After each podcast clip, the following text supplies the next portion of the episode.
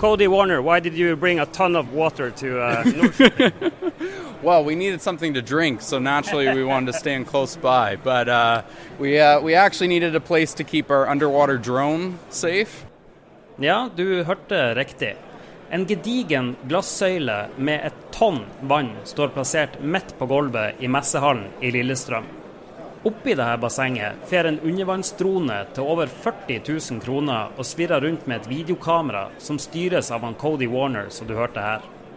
Canadieren er en av nesten 1000 utstillere som har tatt turen til Nordshipping denne uka. Hvis du vil være med på en liten rundtur, kan vi friste med årets skip, virtuelle broer, motorsykler og ikke minst våpen. Dette har jo absolutt ingenting med shipping å gjøre. Nei. Dette er han Morten Hughes i det London-baserte auksjonshuset Holtz. Han stikker trolig av med prisen for mest kreative markedsføring under dette årets i messa. Og etter å ha tenkt seg litt om, er han forresten ikke helt enig i at standen hans ikke har noe på ei shippingmesse å gjøre. Jo, det har det. Har det? Ja. Du ser det flagget der? Ja. Så er det flagg som var eh, Som seilte på, på HMS Levatian. Som var eh, et av lord Nelsons krigsskip i, i The Battle of Trafalgar i 1805. Nettopp. Men her er jo en hel masse våpen og greier. Ja. Det er mange norske redefamilier og egentlig internasjonale redefamilier som har en tradisjon for å være på jakter i England og fasanjakter, og som har eh, kjøpt mye gamle, fine våpen og har gitt mye våpen til sine ansatte, f.eks.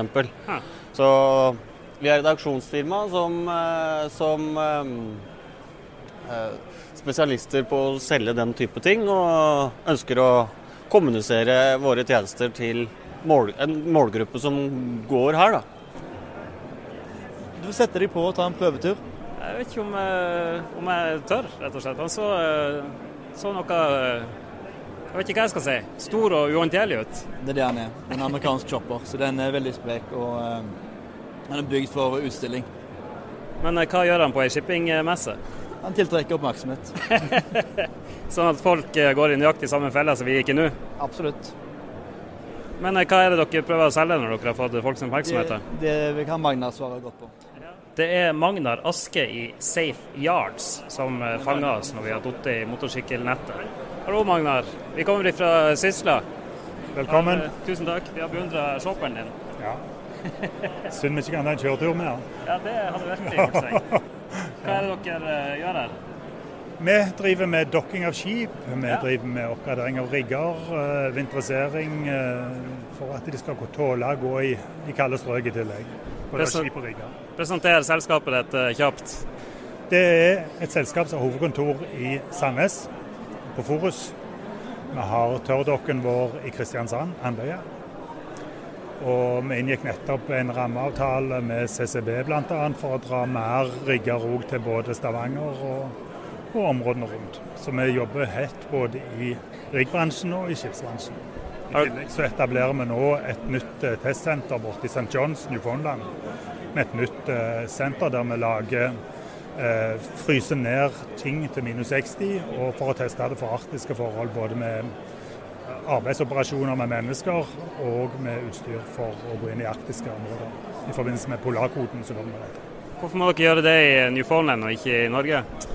Eh, Grunnen til vi gjør det der, er pga. at det er veldig gode eh, betingelser på forskning og utvikling der borte. Så derfor, Pluss det er et kaldt miljø der borte. Så Derfor gjør vi det der og ikke her borte. Lettere å founde det der borte, rett og slett. Hva ser vi her? Her ser du ABB sin stand. Ja.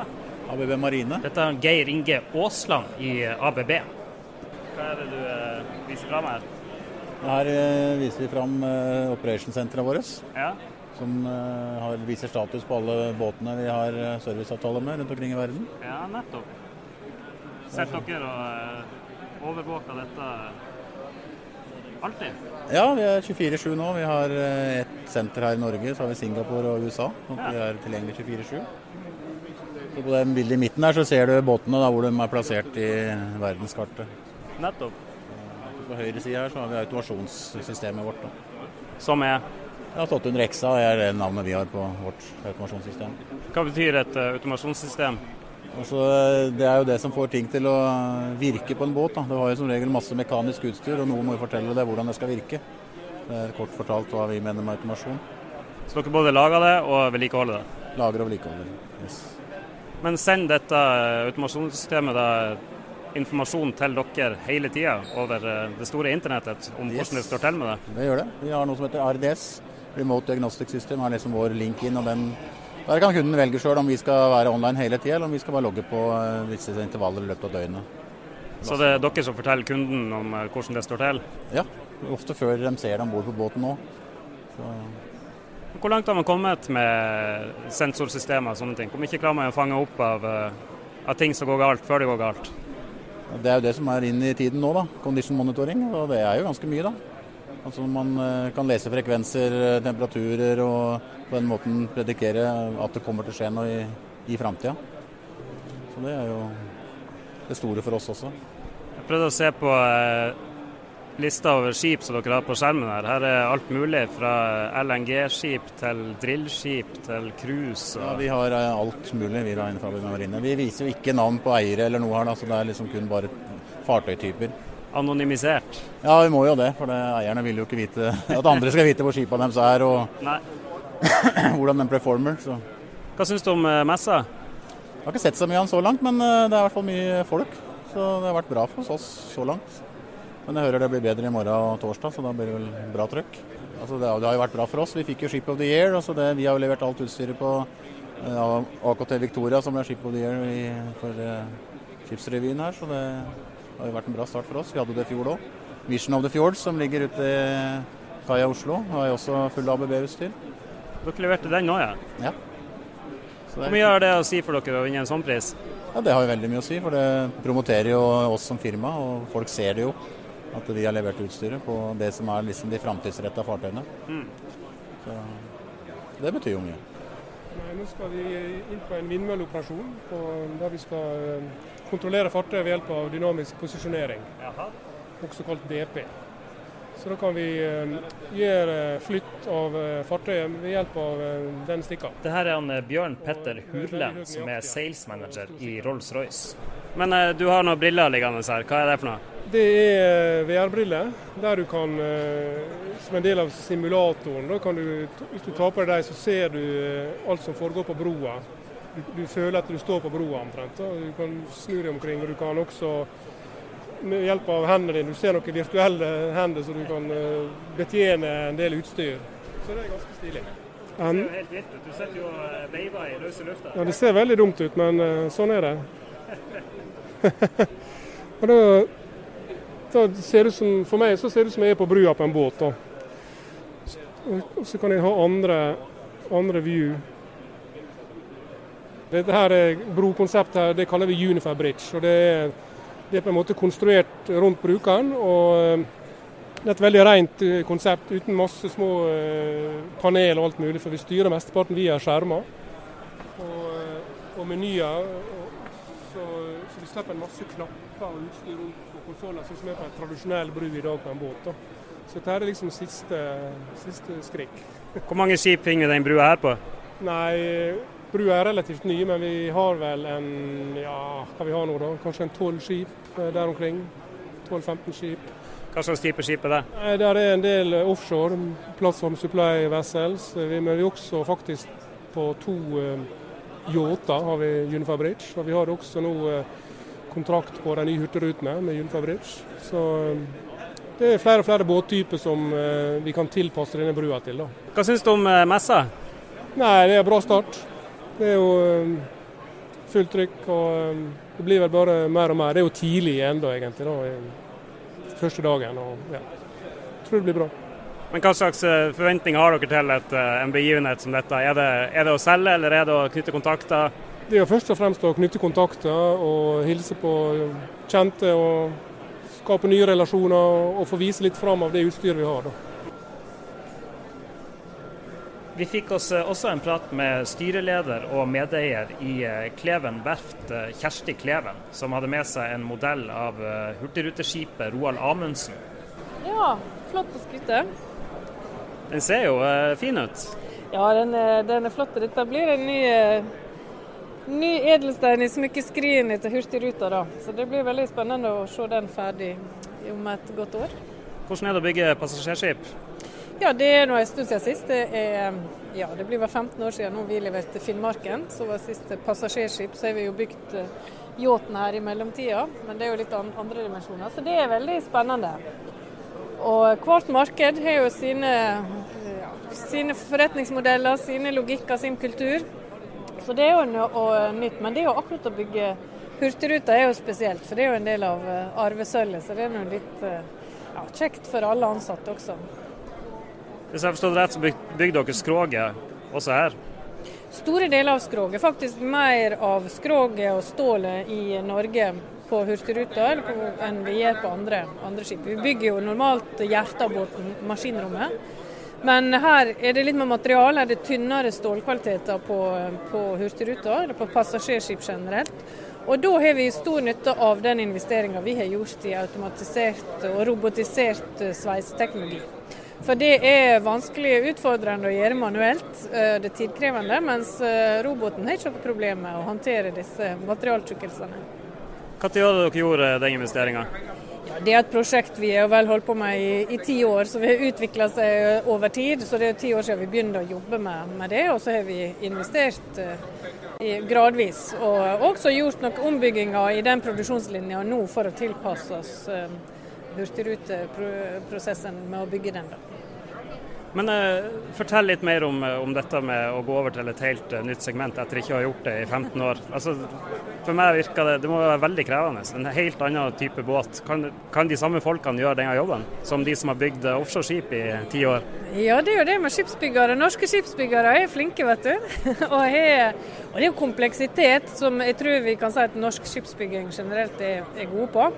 Og det å bygge offshoreskip er jo også komplekse fartøy, og noe som er laga for komplekse maritime operasjoner. Så nå, det som det handler om nå siste åra etter bråstoppen kom i offshore, det er å tenke hvordan kan vi ta den kunnskapen og oversette på, på nye markedsområder. Og Passasjerskip er jo ett av dem, men vi har også øh, fiskebåter, båter til havbruk, brønnbåter, som vi har bygd våre to første av, av nå. Og øh, ja, Så det, gjelder å snu seg rundt og se hva du kan oversette kunnskapen din da. Og vi har vel øh, alltid vært opptatt av å beholde fleksibilitet, både i, i, i tek, på teknologisida, men ikke minst også på kompetansesida med folka våre.